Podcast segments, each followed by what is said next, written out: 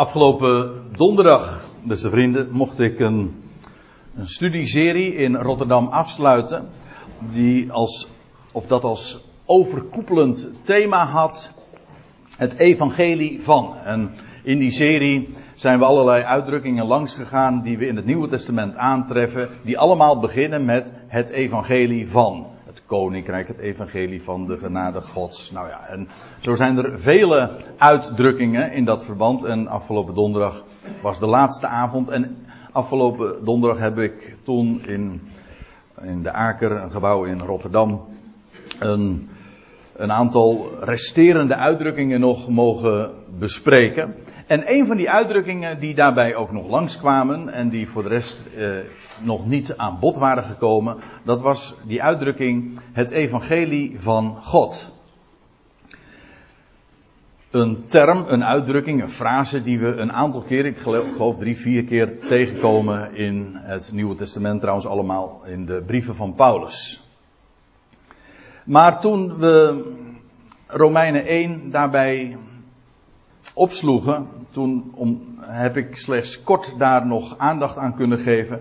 En dat had uh, iets onbevredigends voor mijzelf. En, want uh, er staat in dat begin van Romeinen 1 zoveel waarin Paulus werkelijk uitlegt wat het evangelie van God is. Daar kwam ik donderdag niet toe. En het uh, gaf mij een mooie gelegenheid om de zondag daarop, vandaag dus, daar eens over met u te spreken. En dat voor het voetlicht te brengen het evangelie van God. En zoals u ziet, dat is een uitdrukking die we aantreffen in het eerste vers van het eerste hoofdstuk van Romeinen, ja, van Romeinen 1, van de Romeinenbrief dus. En misschien is het goed om eventjes een, een algemene inleidende opmerking daarover te maken. Kijk, Paulus zou ooit, als je het boek Handelingen leest, dan kun je dat zo zijn gangen daarin nagaan. Paulus zou ooit in Rome arriveren. Als gevangene, wel te verstaan. Dat lees je dan aan het einde van het boek Handelingen, waarin de, al die activiteiten van met name de apostel Paulus worden beschreven.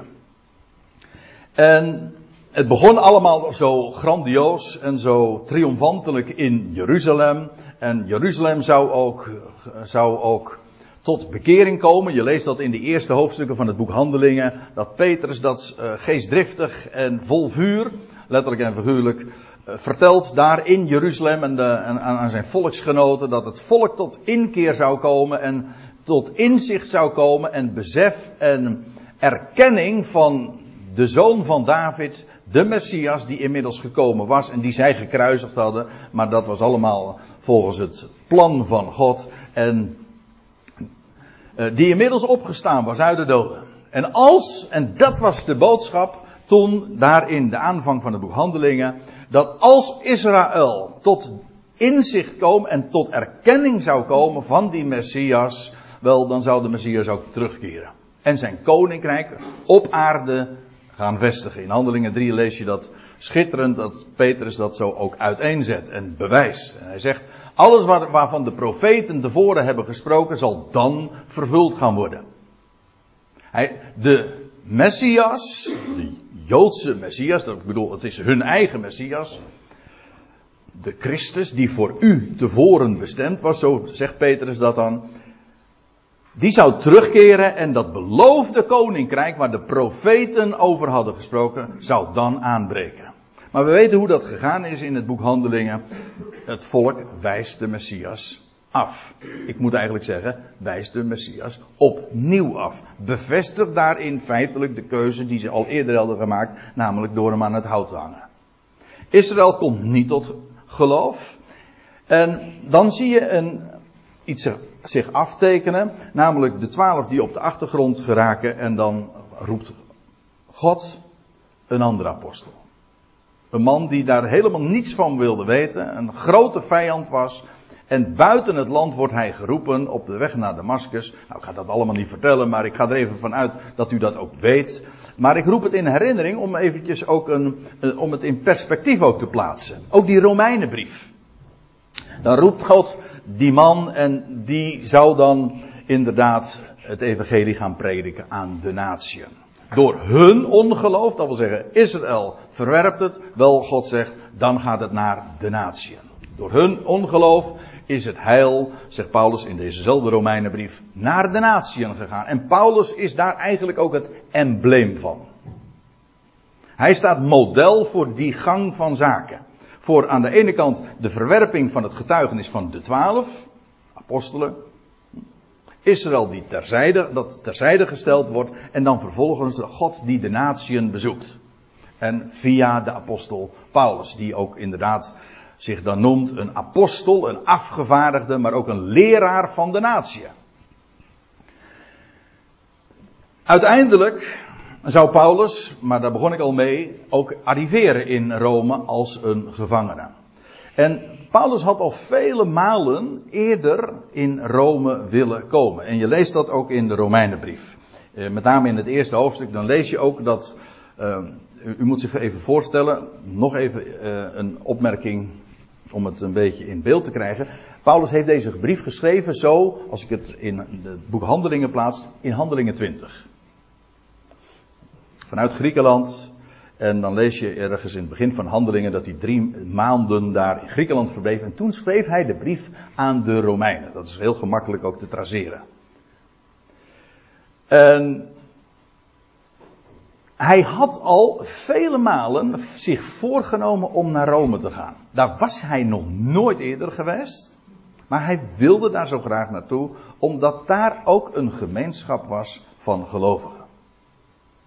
Hoe, dat daar, hoe die daar uh, gekomen waren, of hoe die gemeenschap ontstaan was, dat staat niet in de Bijbel. Voor zover ik weet tenminste niet. En als u dat wel weet, dan hou ik me aanbevolen. Maar in elk geval, Paulus was al vele malen voornemens geweest om daar naartoe te gaan. En hij had ook, en dat is heel interessant, maar in het achtste vers van dit, dat gaan we straks niet meer behandelen, maar in het achtste vers lees je ook dat in de hele wereld werd van hun geloof gesproken. Dat kwam ook omdat er uh, een, een, maatregel was getroffen door de Romeinse keizer dat alle Joden uh, Rome moesten verlaten. En dat had te maken met, met een opstand, met een groot tumult onder die Joodse gemeenschap daar in Rome. Nou, ik zou me zomaar in de details kunnen verliezen, maar u begrijpt nou ook een klein beetje uh, over we, wat we het hebben vanmorgen. Wel, het is de brief aan de Romeinen, die Paulus geschreven heeft dus rond Handelingen 20, maar een gemeente die hij nog nooit had bezocht. Maar later, veel later in zijn leven, zou hij daar inderdaad komen als een gevangene. Nou, het is de eerste brief die we vinden in onze Bijbel. Trouwens, in de manuscripten ook. Het is de eerste brief van Paulus. Het is ook verreweg de langste brief. En het is een magistraal monument. Omdat Paulus daar in deze, in deze brief zo fundamenteel uiteenzet de boodschap die hij van Gods wegen mocht bekendmaken en herauten en onderwijzen. En alle waarheden die hij in zijn brieven naar voren brengt, inclusief de waarheden in verband met de verborgenheid, die je juist later in zijn brieven uitgebreid aan de orde zouden komen, zelfs daarvan maakt hij al melding in deze brief. Hij sluit zijn brief er ook mee af.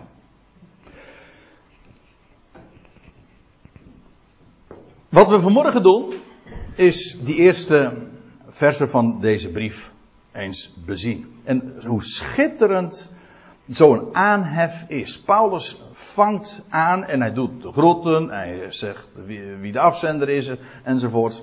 Ja, maar terwijl hij dat doet, brengt hij al zo veelzeggend de inhoud van zijn boodschap naar voren, dat het me echt meer dan de moeite waard lijkt om daar eens uh, de aandacht voor te vragen. Goed, hij begint zijn, na zijn brief dus met de afzender. Dat is heel interessant. Wij zetten de afzender altijd onderaan. Dat is een beetje onlogisch natuurlijk, want als u een brief krijgt, wat, het eerste wat u wil weten is van wie is die? En wat doe je dus? Dan ga je, kijk je helemaal onderaan, de brief. Aha, de oudste van die. Oké, en dan begin je te lezen. Dus je begint onderaan en dan vervolgens ga je de brief lezen. En uh, Paulus doet het veel logischer. Hij zet zijn naam gewoon, de afzender, bovenaan. Paulus. En dat is de naam die hij trouwens draagt. En ik koppel het weer eventjes aan het boek Handelingen. Dat is gewoon het geschiedkundige relaas. Paulus koppelt deze naam. Uh, of nee, deze naam wordt gekoppeld aan Handelingen 13, vers 9. We weten dat hij al lange tijd. Uh, goedemorgen. Paulus. Uh, zijn, zijn naam was Saulus. Dat was zijn Hebreeuwse naam. Maar vanaf Handelingen 13, vers 9, op het moment dat hij zich naar de natieën gaat richten, dan krijgt hij de naam Paulus. Saulus, anders gezegd Paulus. Ja. En u moet weten, Saulus is zijn Hebreeuwse naam. Shaul. Dat was een, eh, de eerste koning van Israël, die heette zo. Shaul, een Hebreeuwse naam. En Paulus, dat is zijn Romeins-Griekse naam. Kent u die geschiedenis in Handelingen 13? Dat hij, dat hij bij, die, bij die landvoogd is, die Romeinse landvoogd, die heette Sergius Paulus. En dan gaat hij het evangelie aan hem prediken. En, die, en een Jood die daarbij is, die wil daar niks van weten. Heel veelzeggend. Vanaf dat moment wordt Saulus Paulus. En dat heeft ook alles te maken met de, de Griekse betekenis van die naam. En dat heeft te maken met pauw, en dat betekent stoppen of onderbreken. En daar, ons woord pauze is daar ook van afgeleid. Dat is allemaal zo mooi en ook die naam staat daarmee ook model voor de tijd waarin we nu leven. Dat wil zeggen, Israël is vandaag verblind, is ongelovig. En nu in deze tussentijd, in deze pauze, in deze onderbreking, een intermezzo is het feitelijk, bezoekt God de natieën. Israël is tijdelijk verblind en op het moment dat de ogen weer open zullen gaan, ja, dan houdt, dan zal, is, dan zal God als, alsnog zijn plannen met dat volk gaan uiteenzetten. Wij leven nu dus in die tussentijd. De naam van Paulus en zijn hele bediening is in deze tussentijd, in die onderbreking, van fundamenteel belang. Heel de schrift is aan ons gegeven en nuttig en essentieel om tot ons te nemen. Maar wie is onze leermeester? De leermeester van de natie. Dat is Paulus. Bij hem moet je wezen. In deze dagen, in deze onderbreking. Paulus. Ja, ik zeg dat ook een beetje om daarmee ook grond onder de voeten te geven voor uh, beschuldigingen, of als u beschuldigingen wel eens hoort van jij altijd maar, ik heb het namelijk zo vaak gehoord, altijd maar met Paulus. Is dat, ja natuurlijk, wij beginnen bij Paulus omdat hij onze leermeester is. Van Gods wegen is dat zo gezegd. Ik kan de schrift alleen maar begrijpen aan de hand van zijn boodschap. Het loutere feit dat ik vandaag uit de natieën hem mag kennen, terwijl Israël terzijde staat en niks van de Messias weet, dat heeft alles daarmee te maken. Bij hem moet je wezen. Ja. Goed, nou ja, als we bij elk woord zo lang uh, gaan stilstaan, dan vrees ik dat we niet bij vers 7 zullen uitkomen. Maar dan zegt hij, Paulus, een, sla, een dienstknecht van Christus Jezus. En het is nog niet zo heel erg lang geleden dat, ik, dat we een keertje een hele samenkomst hebben gewijd aan dat woordje uh, ja, het Griekse woord is doulos en dat betekent niet dienstknecht, dat is, het betekent een slaaf. Een dienstknecht is feitelijk een werknemer, die werkt voor een salaris. Een slaaf, dat is iemand die het eigendom is van. Een lijfeigene. Dus Paulus is maar niet alleen een dienstknecht, nee, hij is een slaaf. Het eigendom van Christus Jezus. En kijk het maar eens na in die concordantie, dan vind je een kleine honderd keer de, de term, de titel Christus Jezus. En iedere keer is het gekoppeld aan Paulus. Ik zeg niet dat hij nooit over Jezus Christus spreekt, doet hij ook uh, regelmatig. Maar er is er maar één die spreekt over Christus Jezus.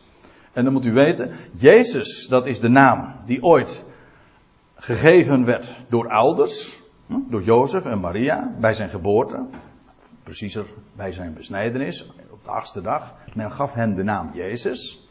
Dat is de naam van die mens die hier op aarde rondwandelde.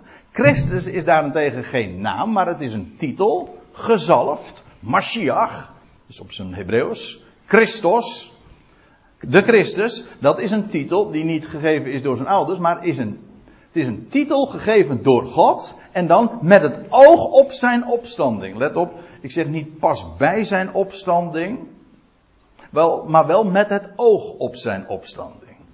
Hij werd gezalfd met heilige geest. Ja, dat was bij zijn doop in de Jordaan. Toen hij opstond uit het water, toen uit het watergraf, opstanding, toen de, daalde de heilige geest in de gedaante van een duif eh, op hem neer. dat was zijn zalving. Maar het sprak van dat moment dat hij ooit zou opstaan uit het echte graf en gemaakt werd tot Heer en tot Christus. Paulus kende hem zo. Paulus kende de Christus, de opgewekte. En wie was dat? Wel, dat was Jezus. Maar Jezus, dat staat bij hem op de achtergrond. Christus, de opgewekte, dat, zo kende Paulus hem. Paulus kende de Heer Jezus niet hier op aarde. Maar Paulus kende Christus, de verheerlijkte. Zo is hij geroepen en vandaar ook die volgorde. Dat heeft allemaal een betekenis. Dat is niet zomaar.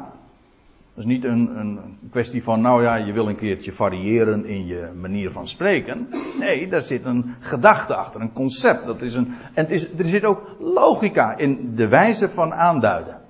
Paulus, slaaf van Christus Jezus, en dan zegt hij een geroepen apostel. Of eigenlijk gewoon geroepen en afgevaardigd. Of en een apostel, dat is iemand die afgevaardigd is en dus een volmacht krijgt. Een gevolmachtigde dus.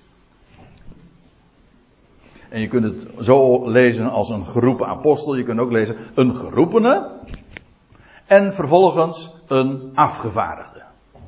Hij, dat klopt ook, want het zijn feitelijk uh, twee feiten. Eerst geroepen, vervolgens afgevaardigd. Maar het gebeurde allemaal bij één gelegenheid. Saul, Saul, wat vervolg je mij? Tot die tijd heette hij ook altijd nog Saul. Hij werd geroepen. Een vijand werd geroepen. En in één keer werd hij, zo zegt hij dat later ook in de Timotheusbrief, over Welducht door Gods genade. Dat was inderdaad zoals onze vaderen, onze Calvinistische vaderen zeiden, onwederstandelijke genade van God. Hij, het was, hij werd overweldigd in één keer en er werd niet eens gevraagd of hij wilde kiezen. Jou moet ik hebben. Hij werd geroepen en vervolgens werd hij ook afgevaardigd. Dat wil zeggen, hij kreeg een volmacht om namens degene die hem riep, Christus, de opgewekte. Wie bent u, Heer? Ik ben Jezus, die jij, Paulus of Saulus, vervolgt. Nou, sta op je voeten, want ik, ga, ik, ik heb wat voor je te doen. Je krijgt een geweldige missie voor de natie. Hij is, hij is geroepen in genade en vervolgens werd hij afgevaardigd. En waartoe? Wel, hij werd afgezonderd, staat er dan, tot verkondiging van het evangelie van God. Zo luidt de NBG-vertaling. Afgezonderd tot. Hè, afgezonderd. Apart gezet. Maar weet u vanaf wanneer? Hij zegt, hij beantwoordt die vraag in de gelaten brief. Daar, staat, daar lees je. Hij afgezonderd zijnde in gelaten 1 vers 15. Hem, gaat over God, die mij, Paulus, van de schoot mijner moeder aan, afgezonderd, exact hetzelfde Griekse woord wat hier ook gebruikt wordt, hem die mij van de schoot van mijn moeder aan, van de, wij zouden zeggen van de wieg af, was hij afgezonderd en door zijn genade geroepen heeft. Het was namelijk niet Saulus die de Heer zocht. Integendeel, hij was een vijand maar juist om een embleem te worden van Gods genade. Niet iemand die, die de Heer of die de Messias zocht, integendeel, die een vijand was. En juist om, een, om de boodschap van genade, dat wil zeggen, volkomen buiten werken om, volkomen buiten prestaties om. Hij werd geroepen. En het loutere feit dat hij geroepen werd, Zonder dat hij het zocht, zonder dat hij er iets voor gedaan had. En voor zover hij er iets aan gedaan had, waren het juist. Pleiten het allemaal tegen hem. Daarom zegt hij ook: Ik ben de eerste der zondaren. Niet waard een apostel te heten, de minste der heiligen. En inderdaad, de eerste der zondaren. Genade. Hij, maar hij was al van de schoot van zijn moeder aan afgezonderd. Dus toen hij nog moord en uh, doodslag uh, blies tegen de Ecclesia, die hij vervolgde, toen al, al vele jaren had God hem afgezonderd. Je, hem moet ik hebben. En alles wat daaraan vooraf gegaan is, voor zijn roeping, was prelude. Voorspel. Dat was noodzakelijk, juist om dit te gaan doen. Alles was noodzakelijk. Alles in zijn leven was geregisseerd. Is geweldig, zo'n God hebben. Die met alles en in alles ook zijn plan uitwerkt. Hij was afgezonderd, staat er. Het is genade. Afgezonderd tot verkondiging van het evangelie van God. Dat woord verkondiging van staat er eigenlijk niet eens. Maar dat, de, ja, dat zit er uh, logischerwijs in. Hij was namelijk gewoon afgezonderd voor of tot in het goede bericht van God. Gods evangelie, Gods goede bericht. Daarvoor was hij afgezonderd. Ja, waar, waar zou hij dat vertellen? Nou, dat zullen we straks nog zien. Maar eerst even dit. Hij was afgezonderd voor het goede bericht van God. En hier hebben we die uitdrukking, ja, wat dat ik ook als thema had meegegeven voor deze hele samenkomst. Het evangelie van God. God heeft wat te vertellen. En hij is niet alleen de afzender van dat bericht, hij is ook het grote onderwerp. Hij is degene die wat te melden heeft. Wat zeg ik? Die een, niet alleen maar een bericht te melden heeft, maar dat bericht is van het begin tot het einde goed. Waarom? Wel, hij is God. Hij is een vader. Hij heeft een plan.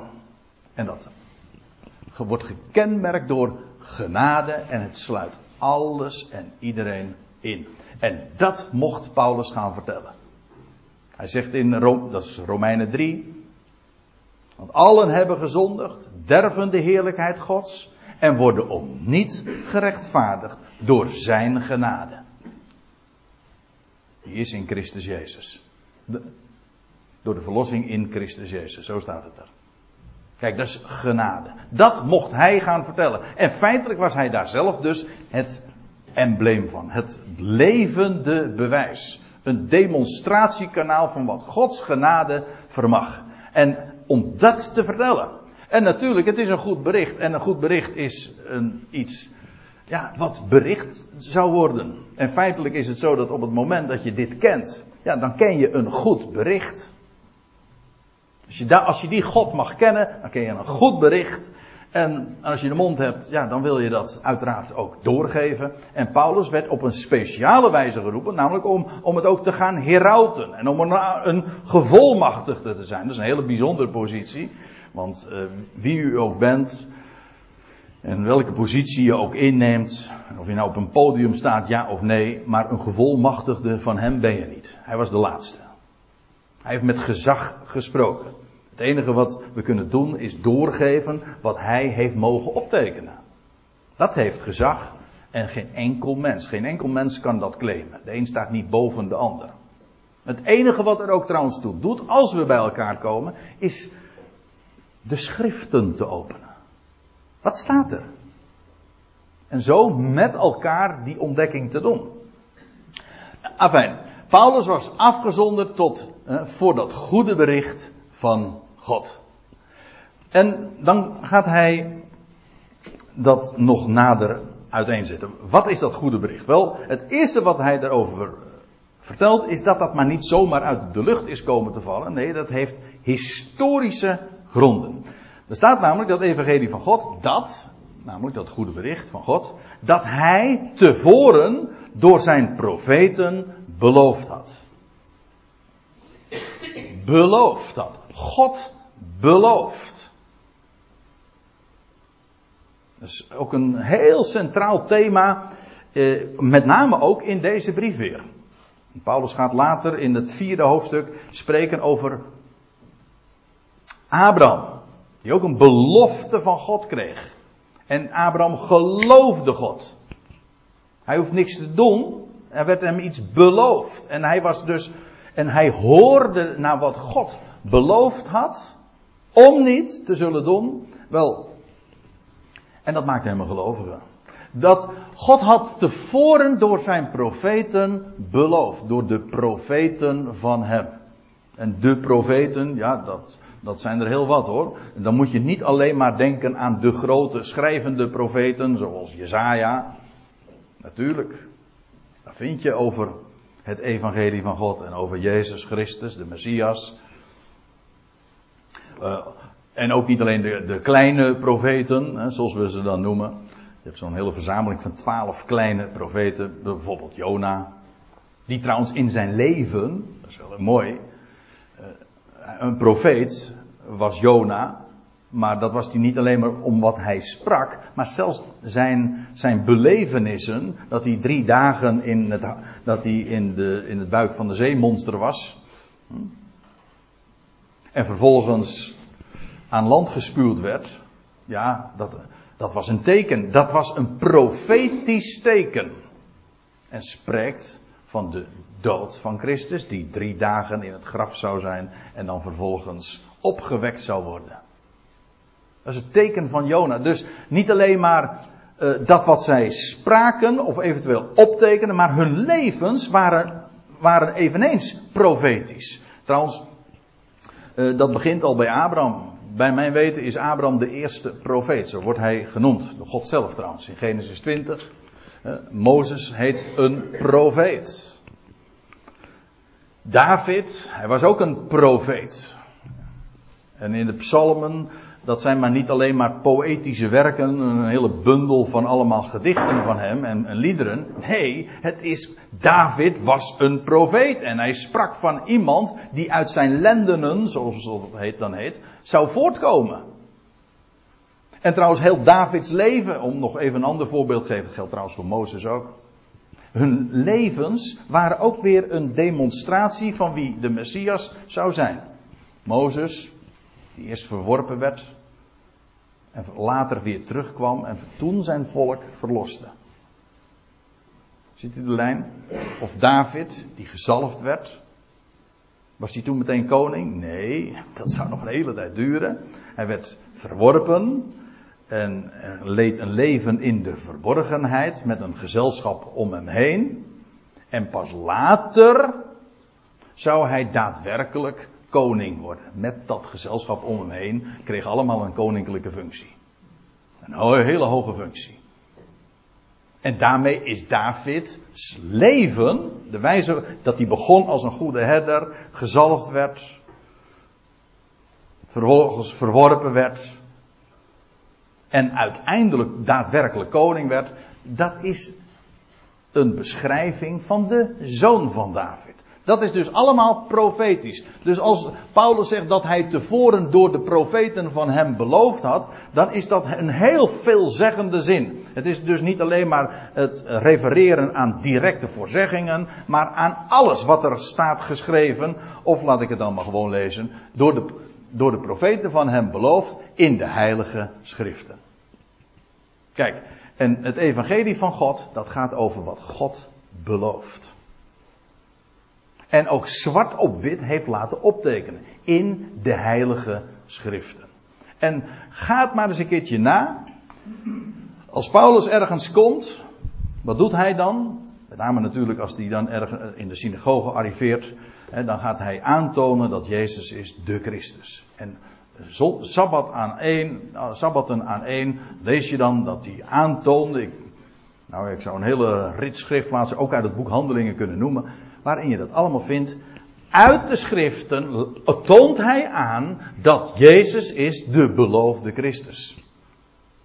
En het is heel boeiend, maar als je in de Korinthebrief ook een samenvatting leest van het evangelie, het ABC van het evangelie, dat wil zeggen de drie beginselen, de elementen, de elementaire basis van het evangelie, dat is alles naar de schriften. Christus stierf, zegt Paulus daar in deze verse, kijk het maar eens na. Christus stierf, voor onze zonde, naar de schriften.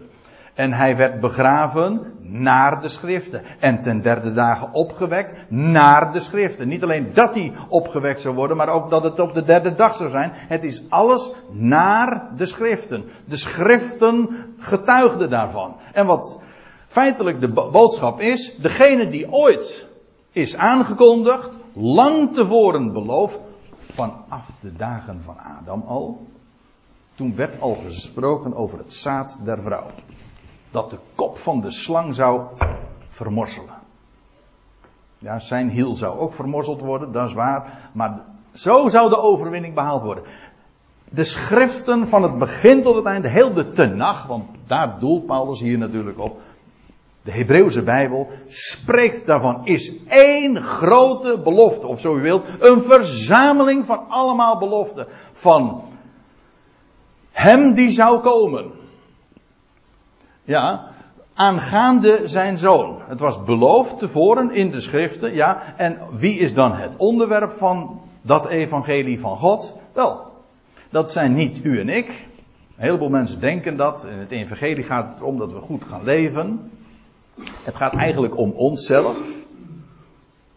Eventueel zelfs om onze redding. Nee, dat evangelie heeft één groot onderwerp. Dat is de basis en ook het centrale er staat, het gaat over zijn zoon. Aangaande zijn zoon, of omtrent. Peri, dat is eigenlijk de. Eh, om zijn zoon draait het allemaal. Omtrent de zoon van hem. Hem, dat is uiteraard God. Het gaat over Gods goede bericht. En de zoon van hem, wel, dat is degene over wie het gaat. Dat is ook een hele duidelijke toetssteen als je een, een prediking wil toetsen. Eh, over wie gaat het nou eigenlijk? Wie staat daarin centraal? De mens? Of eventueel de mens wat hij moet doen? Of de zoon? Wat God heeft gedaan, doet en zal doen via hem. Wel, dat is het evangelie van God. Het evangelie van God gaat niet over wat wij moeten doen, want weet u, dan zou het geen evangelie meer zijn. Want dan gaat het namelijk altijd, dan loopt er altijd iets spaak. Op het moment dat er iets van ons afhangt, dan gaat het altijd fout. Dan heb je ook geen basis meer voor vreugde. Het is juist zo'n goed bericht, omdat ik weet, hij is degene die gesproken heeft, het beloofd heeft en dat gaat realiseren. Kijk, dat is grond. Ik, ik, we hebben er het eerste lied ook over gezongen. De trouw van God. Hij heeft beloofd. Hij heeft gesproken. Hij gaat het ook realiseren. Dat is waar je werkelijk rust in vindt en vreugde.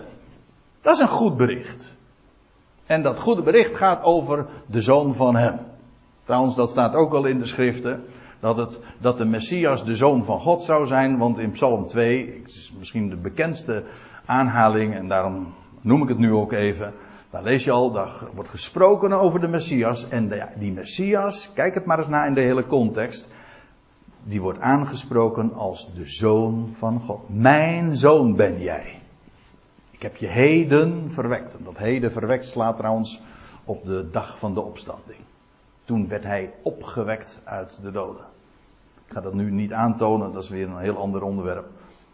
Maar in elk geval, dat hij de zoon van God is, ja, dat staat, dat is ook maar niet iets wat in het Nieuwe Testament zomaar uh, gepresenteerd wordt. Dat is verankerd in de schriften, in de heilige schriften. Niet zomaar boeken, nee, het zijn heilige schriften, omdat het geademd is door God. Geïnspireerd van Hem. Wel, en wie is die zoon? Wel, dat heeft twee kanten. Als je het naar vlees bekijkt en je kan het naar geest bekijken. Nou, Paulus doet het in, in die volgorde ook. Hij zegt gesproten uit het geslacht van David. Eigenlijk gewoon um, wordende vanuit zaad. Is, ons woordje sperma staat er gewoon. Dat een heel biologisch begrip dus, vanuit het zaad van, vanuit zaad van David. Dus als je wie is die zoon van God? Wel, als je naar vlees bekijkt, en dan kun je gewoon het allemaal herleiden tot David, tot het zaad van David. Vandaar ook dat het Nieuwe Testament begint met een register. Trouwens, niet alleen in Matthäus, maar ook Lucas, die het allemaal terugbrengt, voert tot David. Want dat is namelijk essentieel. Een van de grote kenmerken van de Messias is namelijk dat hij uit het geslacht, uit het zaad van David zou komen. Dus je moest dat ook inderdaad kunnen overleggen. Het was het zaad van de vrouw. En, en vervolgens lees je, het wordt iedere keer, ja, het zou een mens zijn. Ja, oké. Vervolgens lees je dat het het zaad van Abraham zou zijn. In uw zaad zal ik alle geslachten van de aardbodem zegenen. Dan, dan vervolgens gaat die belofte over op Isaac, niet op Ismaël. Vervolgens gaat die belofte over op Jacob, niet op Esau. En vervolgens komt hij bij Juda terecht. Een van de twaalf zonen. De scepter zal van Juda niet wijken. De Juda, dat is de koningsstam. De leeuw. De leeuw van Juda, de koning. Ja, en dan tenslotte wordt het nog nader gepreciseerd. Nog weer duizend jaar later uh, is de eerste koning uit het huis van Juda David. En uit dat geslacht, uit die dynastie, uit dat koningshuis zou de zoon van God, de Messias, voortkomen. Dus dat was heel duidelijk aangewezen. Vandaar ook dat het buitengewoon belangrijk is dat hij die origine heeft. Dat hij die papieren zou kunnen overleggen. Het is gedocumenteerd. De hele lijn is zo vast te stellen. Via de mannelijke lijn en de vrouwelijke lijn. Maar goed, dat gaan we nu verder niet doen. Het, het is essentieel dat het uit het zaad van David is. Naar vlees dan gesproken. Hè? Dat wil zeggen, staat tegenover de, de geest der heiligheid in het volgende vers. Dit is, gaat over zijn, zijn biologische kom af. Dat was in de schrift al tevoren aangegeven. Maar, dus dat is naar vlees. Maar naar geest, naar, heilige, naar geest van heiligheid, van het heilig zijn, ja, dan praten we over een, een andere kant. Ik bedoel, een mens is vlees, dat zijn wij allemaal, lichamelijk, gewoon dat wat, u, uh, dat wat we van elkaar zien. Maar een mens heeft ook geest, dat wil zeggen dat wat erin zit. Wel, Jezus Christus bezat geest. Hij was ook gezalfd met geest. Gezalfd met Gods geest. Ik refereerde er zojuist al even aan toen hij gedoopt werd. Hij was ooit al geboren uit Heilige Geest, waardoor hij ook Gods zoon was trouwens. God zelf had hem verwekt. Zonder tussenkomst van een man. Vervolgens, toen hij 30 jaar was, werd hij gedoopt, stond op uit het water, werd gezalfd met geest en kracht.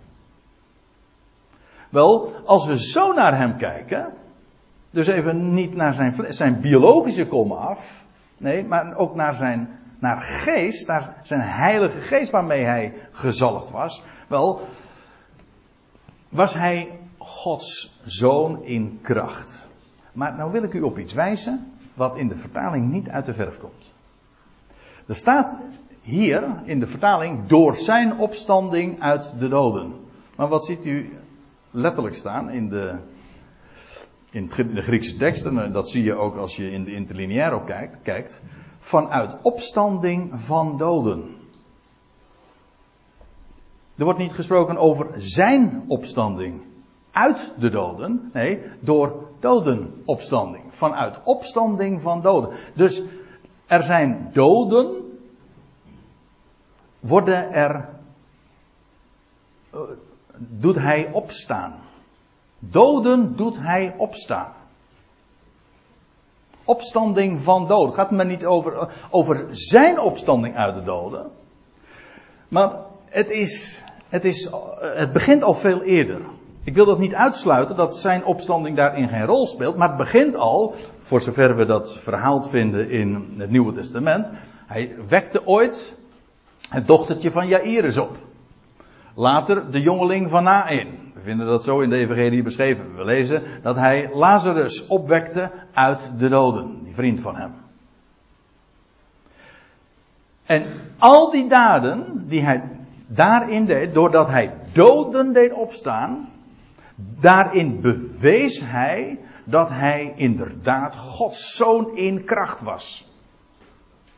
Zo werd ook verklaard en uitgelegd en gedemonstreerd en bepaald dat hij Gods zoon was. En uiteindelijk natuurlijk ook zijn eigen opstanding. Dat was de klap op de vuurbel. Daar, daar, daar ging het allemaal om. Feitelijk, de, al deze opstandingen wezen vooruit. Hij zegt ook, ik ben de opstanding en het leven.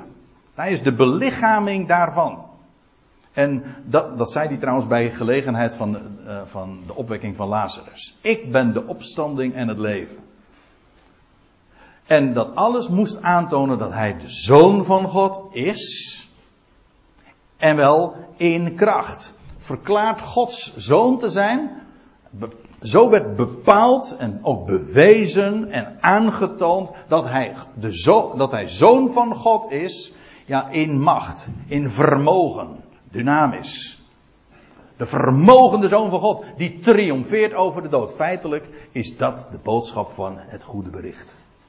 God die nieuw leven aankondigde en ook geeft via de Zoon van God. Hij stierf aan het kruis, ja. En op de derde dag werd hij opgewekt. Hij is de eersteling en daarmee ook de garantie dat eens de dood volkomen te niet gedaan gaat worden. Het leven triomfeert. Hij is de, de overwinnaar. Gods zoon in kracht. En dat heeft hij al bewezen door dodenopstanding. Dat is het evangelie. De boodschap van Jezus Christus die triomfeert over de dood. Je, je, kan het evangelie natuurlijk heel uitgebreid uitleggen. Kijk, en daar hebben we een hele bibliotheek van. Maar je kunt het ook zo kort mijn vader placht nog wel eens een keer te zeggen, dat is ook geen uitdrukking van hemzelf. Je kan het op je nagel schrijven. Zo, zo compact. Over God. Die belooft. Genade. Door zijn zoon. Zoon van David ook. Naar het vlees. De overwinnaar is op de dood. En welke boodschap is grootser, heerlijker in een sterfelijke wereld Waar we allemaal onder gebukt gaan. We zijn allemaal zondaren, we zijn allemaal stervelingen. Wat is er grootser dan te vernemen? Er is een God. Een levende God. En hij laat het leven triomferen. Om niet. En dat heeft hij bewezen door de Zoon van God. Krachtig. In hem is leven. Dat is het goede bericht. Zegt het woord. Paulus zei het woord. Hij heeft het opgetekend. En nu, in 2015, steunen we op die woorden. Dat is, dat is geïnspireerd. Dat is vol van leven. Deze woorden zijn niet alleen solide. Het gaat niet alleen over feiten. Gedocumenteerde historische feiten. Met allemaal, met geslachtsregisters en plaatsbepalingen daar buiten het Jeruzalem. Dat graf, die steen werd weggewendeld enzovoort. Historisch. Honderden getuigen. Gedocumenteerd. Maar het is vol van leven. Dat is, dat is geweldig. Het, gaat, het is geen filosofie. Het is niet een mooi, mooie constructie, abstractie, waar je over na kunt denken en lekker kunt discussiëren. Nee, het zijn gewoon feiten. Over iemand die tevoren was beloofd en die nu inmiddels gekomen is. En ook nog gaat komen natuurlijk, allemaal tot je dienst. Maar dat is zo simpel. Gods evangelie. Gods goede bericht. Jezus Christus, onze Heer. Nou, ik heb er al wat over gezegd. Dit is zijn naam. Yahweh is redder. Dat zegt zijn naam. Jezus, Yahweh is redder. Feitelijk heb ik daarmee ook het evangelie gezegd. Jezus. Wat betekent zijn naam? Hij, Yahweh, is de uitbeelding van die God. Yahweh is redder. Hij is de Christus. En hij is de Heer van ons. Trouwens, hij is Heer van allen. Dat is Romeinen 10 trouwens. Ziet u, eigenlijk alles wat ik vanmorgen vertel, dat kun je allemaal zo terugbrengen naar die ene brief, de Romeinenbrief. Begin daarmee ik echt eh, ook als tip meegeef. Begin, sommige mensen zeggen je moet eh, eerst het Johannes-evangelie lezen. Het is een schitterende brief, of schitterend boek moet ik zeggen. En juist uh, ook in Bodengrijpen zijn we daar uitgebreid mee bezig met Johannes Evangelie. Als je echt wilt beginnen, begin bij Paulus. En dan met die brief waar hij zelf ook mee begint. De Romeinenbrief. Alles vind je daarin terug. Jezus Christus, de Heer, de Curios, de bezitter van allen. Weet u, en dat wat wij nu al weten, ik zeg wij, wij die vandaag mogen geloven, die daar van harte amen op zeggen, dit, deze waarheid en alles wat daarmee verband houdt, opgestaan, Heer, Curios, dat gaat eens elke tong beleiden. Tot eer van God de Vader. Ja, dus uh, wij, zijn in die, wij zijn gewoon daarin ook voorlopers. Dat wat nu nog maar een klein clubje feitelijk vertelt. Een heleboel en, en uh, weerstand genegeerd wordt. In een boze eiland zou je ook niet anders mogen verwachten. Maar dat wordt eens het universele getuigenis. Elke tong gaat dat zeggen. Jezus Christus is Curios. Tot eer van wie? Van God, de Vader van allen. En Paulus gaat dan nog even verder. Hij zegt, want dit feitelijk is. Uh, even kijken hoor. Nou, nou, moet ik wel erg verder teruggaan. Is een, nog steeds een tussenzin. Dat maakt Paulus wel vaker gebruik van. Van onderbrekingen. En eigenlijk zijn hele leven en zijn naam is al een onderbreking. En dat, eh, dat etaleert hij ook weer in zijn stijl. Als hij over het geheimenis spreekt, moet u maar eens opletten. Efeze 3, Romeinen 16, dan doet hij dat in een tussenzin. Dat, dat is over gestileerd iets naar voren brengen. Dat is echt gestileerd. Dat wil zeggen, het is niet alleen inhoudelijk iets duidelijk maken, maar ook qua vormgeving daar uitdrukking aan geven. Dat is literair meesterwerk. Dat is, dat, zeg ik, dat is geen ode aan Paulus trouwens hoor, maar aan degene die hem inspireerde.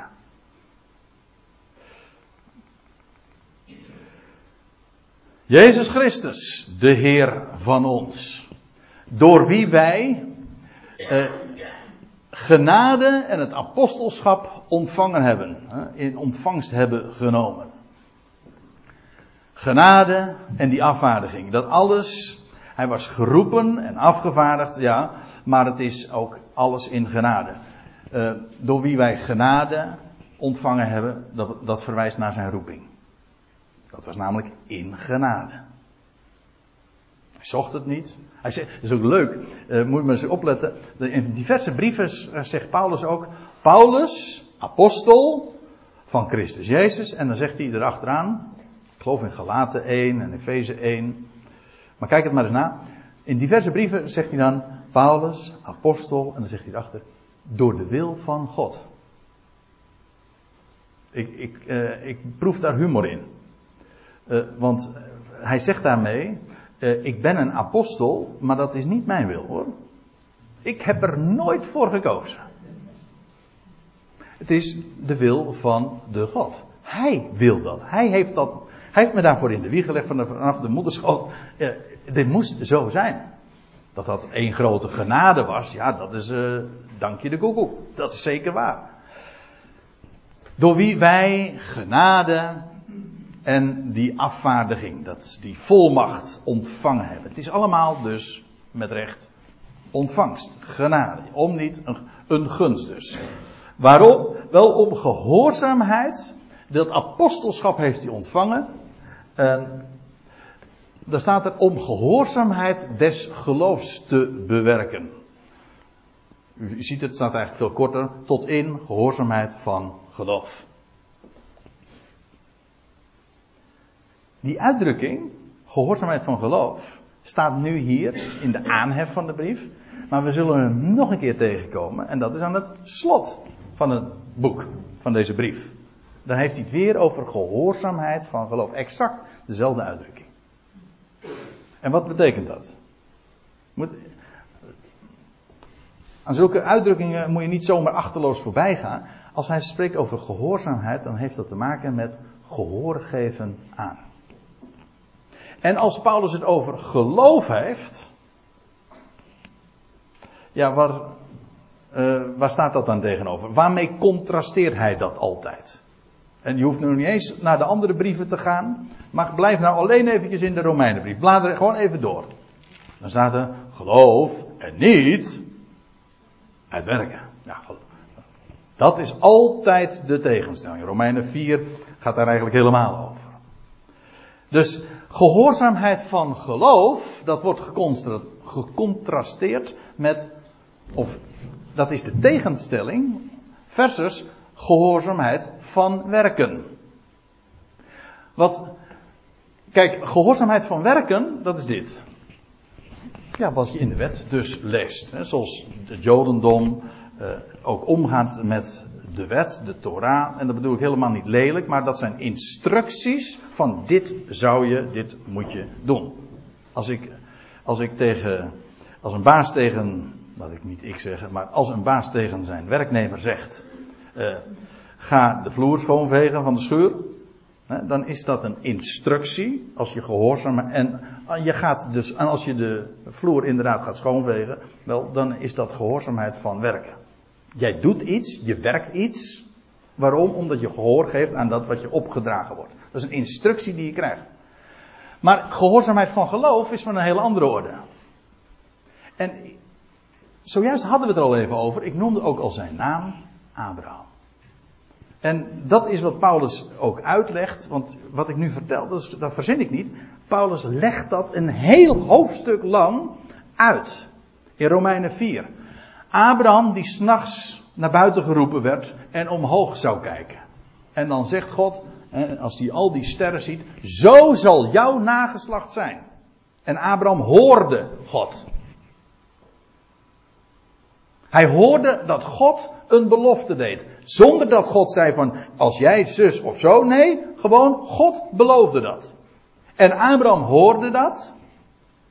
En Abraham beaamde dat. Hij zei amen, zo staat het ook in het Hebreeuws. Hij beaamde wat God sprak. Kijk, dat is gehoorzaamheid van geloof. Hij zei amen op wat God beloofd had. Hij gaf gehoor hij, hij hoefde niks te doen. Er werd niet iets aan hem gevraagd. Nee, er werd iets hem beloofd. En Abraham heeft dat in zijn, aan de lijve ook ondervonden. En zijn verstorven lichaam werd opgewekt. Levend gemaakt. En hij bracht inderdaad, hoewel hij al ver over de datum was om zo te zeggen. En zijn vrouw in kluis. Het ging haar al lang en breed niet meer naar de wijze der vrouw. Was bovendien sowieso al altijd onvruchtbaar geweest. En God verwekt leven uit de dood. Dat ondergingen zij. En Abraham geloofde. En Sarah geloofde God. En dat heeft zo'n kracht. Want mensen denken van dat is maar makkelijk. Maar ik zal u dit vertellen. Nou lees het maar na. We komen er vandaag echt niet aan toe. Maar in Romeinen 1 vers 16 staat. Het evangelie is een kracht Gods voor een ieder die gelooft. Wat evangelie met een mens doet, een goed bericht, geloof het, gaat alleen niet vermengen, ga geen instructie, ga van een belofte geen instructie maken, nee, een belofte en ga daarop staan. Wat, wat God belooft. Wel, dat is een bron van kracht van vermogen. Wat er dan vrijkomt. Het is kracht van God. Dynamiet. Ons woordje dynamiet komt ook uit het Grieks dynamis. Dat is dat woord vermogen, kracht. Dat geeft kracht. Dat geeft vreugde. Dat geeft hoop. Dat geeft vrede. En Paulus mocht die boodschap, dat evangelie vertellen. Dat niet geen werken vraagt, maar geloof. Dat wil zeggen, nee, vraagt het niet. God belooft. En dat is wat je vertelt aan iemand. Zegt, dat is geweldig. Dat is het. Zo is het. Dat is, dat is amen zeggen op wat God gesproken heeft. Dat is trouwens ook, dat is ook eh, geen verdienste, want God heeft jou overdraagd. Begrijp me goed? Als jij of ik mag geloven, dan is dat zijn prestatie. Hij was in staat om jou de ogen te openen. En wie is dus alle, aan wie is dus de eer? Aan hem. Ja, dat is het nadeel van het evangelie, er valt weinig eer aan te behalen. En ik denk ook dat dat het grootste bezwaar ook is tegen het evangelie. Maar ik ben er ook, ik ben er verschrikkelijk blij mee, want dat betekent namelijk ook, uh, we kunnen er niks aan mee verdienen, maar we kunnen het ook niet verpesten. Kijk, ben ik ontrouw, hij blijft altijd dezelfde. Daarop mag ik staan. Om gehoorzaamheid van geloof te bewerken. Nou, dat bewerken staat er niet en u begrijpt nou meteen waarom, waarom dat er niet kan staan. Nee, gewoon om dat te vertellen, dat goede bericht. En vertel het maar. En dan mensen horen daarnaar, of niet. En als ze daarnaar horen, dan geloven ze het. Ja, gehoorzaamheid van geloof voor zijn naam, want daar, om hem gaat het allemaal. Uh, onder al de heidenen. Onder, eigenlijk te midden van al de natieën. Paulus' rijkwijde, zijn actieradius, zijn missie was universeel. Onder al de natieën. Daar predikte hij het. Ongeacht wie. Jood, eh, wie, wie zich daar ook bevond. Want Paulus zegt dan in vers 6. Tot wie ook jullie behoren. Te midden van wie ook jullie zijn. En dat te midden van wie ook jullie zijn, dat slaat op dat te midden van de natie. En u moet weten, die gemeenschap daar in Rome, waar Paulus tot dusver nog nooit geweest was, was voor een belangrijk deel ook een Joodse gemeenschap. Maar ze bevonden zich daar in Rome, dus te midden van de natie. Het is een mooie illustratie ook dat als, als Paulus zegt te midden van de natieën waar ik predik, ja, dat betekent dus gewoon aan alle mensen, ook de Joden onder de natieën. Vandaag officieel is het volk van Israël nog steeds, nog steeds verstrooid onder de natieën. Het, het, maakt namelijk geen enkel verschil. God maakt vandaag in deze, in deze tijd geen verschil tussen Jood en Griek, tussen Jood en Heiden. Paulus zegt dus tot welke ook jullie uh, behoren of onder wie ook jullie zijn te midden van de natie. Afkomst speelt daarbij geen enkele rol. Religiositeit, of je van Joodse afkomst bent, maakt geen verschil. Tot welke ook jullie behoren, geroepen heiligen die te Rome zijn. Geroepen heiligen, eerst geroepen, als, als God roept, weet u wat hij dan ook doet? Dat is trouwens ook Romeinen, Romeinen 8, dan rechtvaardigt hij ook. Als je roept, het woord vindt ingang hier in je hart, dan word je ook een heilige. Daar hoef je niet mee te wachten. Op te wachten tot de, Rome, de, paus in Rome dat bevestigt of zo. Ik zou haar zeggen, juist niet. Nee, je bent, een geroepen, je bent, je bent geroepen en dat en daarmee geheiligd. Geheiligd betekent in de Bijbel gewoon afgezonderd tot. Afgezonderd van en afgezonderd tot. Ja, je, je, wordt, je wordt een aparteling. Je wordt apart gesteld. Hij roept, hij stelt je apart. En hier gaat, eh, is deze brief geadresseerd aan degene die te Romen zijn. Dus degene, de plaats waar Paulus uiteindelijk ook zou arriveren. En dan moet ik even dat laatste wil ik er ook bij betrekken. Ik zie dat de klok voortgaat. Maar die laatste woorden wil ik in ieder geval toch ook graag onderstreept hebben. Trouwens, dat heb ik al. Genade zij. Nou, nou, eigenlijk, hij heeft gezegd wie hij is. Wat de essentie is van wat hij te melden heeft. Hij heeft gesproken wie de geadresseerden zijn. En nou vertelt hij gewoon, als, dat is de groet. Samengevat, wat hij hen vertelt. Uh, wat hij, wat zij, de geadresseerden, zouden krijgen. Genade zij u, genade met jullie en vrede. genade is trouwens de Griekse grot. Kijk, wij, wij hebben daar hele uh, niet-zeggende vormen voor. Doei en, en hallo zeggen we. Ja, maar in, in het Grieks zijn men echt wat. Als, uh, ik zie Linda hier zitten, maar als, als wij corresponderen met elkaar, uh, zo af en toe uh, sturen wij wel eens mailtjes en dan eindigen we altijd met goodbye. Omdat we elkaar ooit. Nee, jij hebt me er ooit op gewezen. Goodbye betekent God be with you. Dat weten de mensen niet meer, maar dat is goodbye. Dat, daar, zit, zulke groeten, daar zit, daar zit geweldig veel in. Wel, de Grieken groeten elkaar met genade. Dat was de wijze waarop gunst. De Joden, de Hebreeuwse groet is, u weet het allemaal. Hè, dan kom je daar op het, uh, hoe zei Fons Jansen, dan kom je daar op het vliegveld Lot in Tel Aviv aan. Bloedheet en dan zeggen ze allemaal tegen Shalom. Hm? Ja. Shalom. Vrede. Dat is de Hebreeuwse groet. En zo beginnen al die brieven. Genade en vrede. Het, begin en ook in die volgorde. Vrede is er alleen als je genade kent. Genade, vreugde om niet. Gods gunst. En hier wordt ook weer, Paulus zegt dat tegen die, die eh, de geliefden van God. Ze zijn geroepen, ze zijn heiligen. Ja, en, en wat wordt er nou gezegd? Wel genade. Elders staat er trouwens in overvloed. Genade en vrede. Wil je genade? Vrede? Dat is er. Genade, vreugde. Vrede heeft te maken met rust.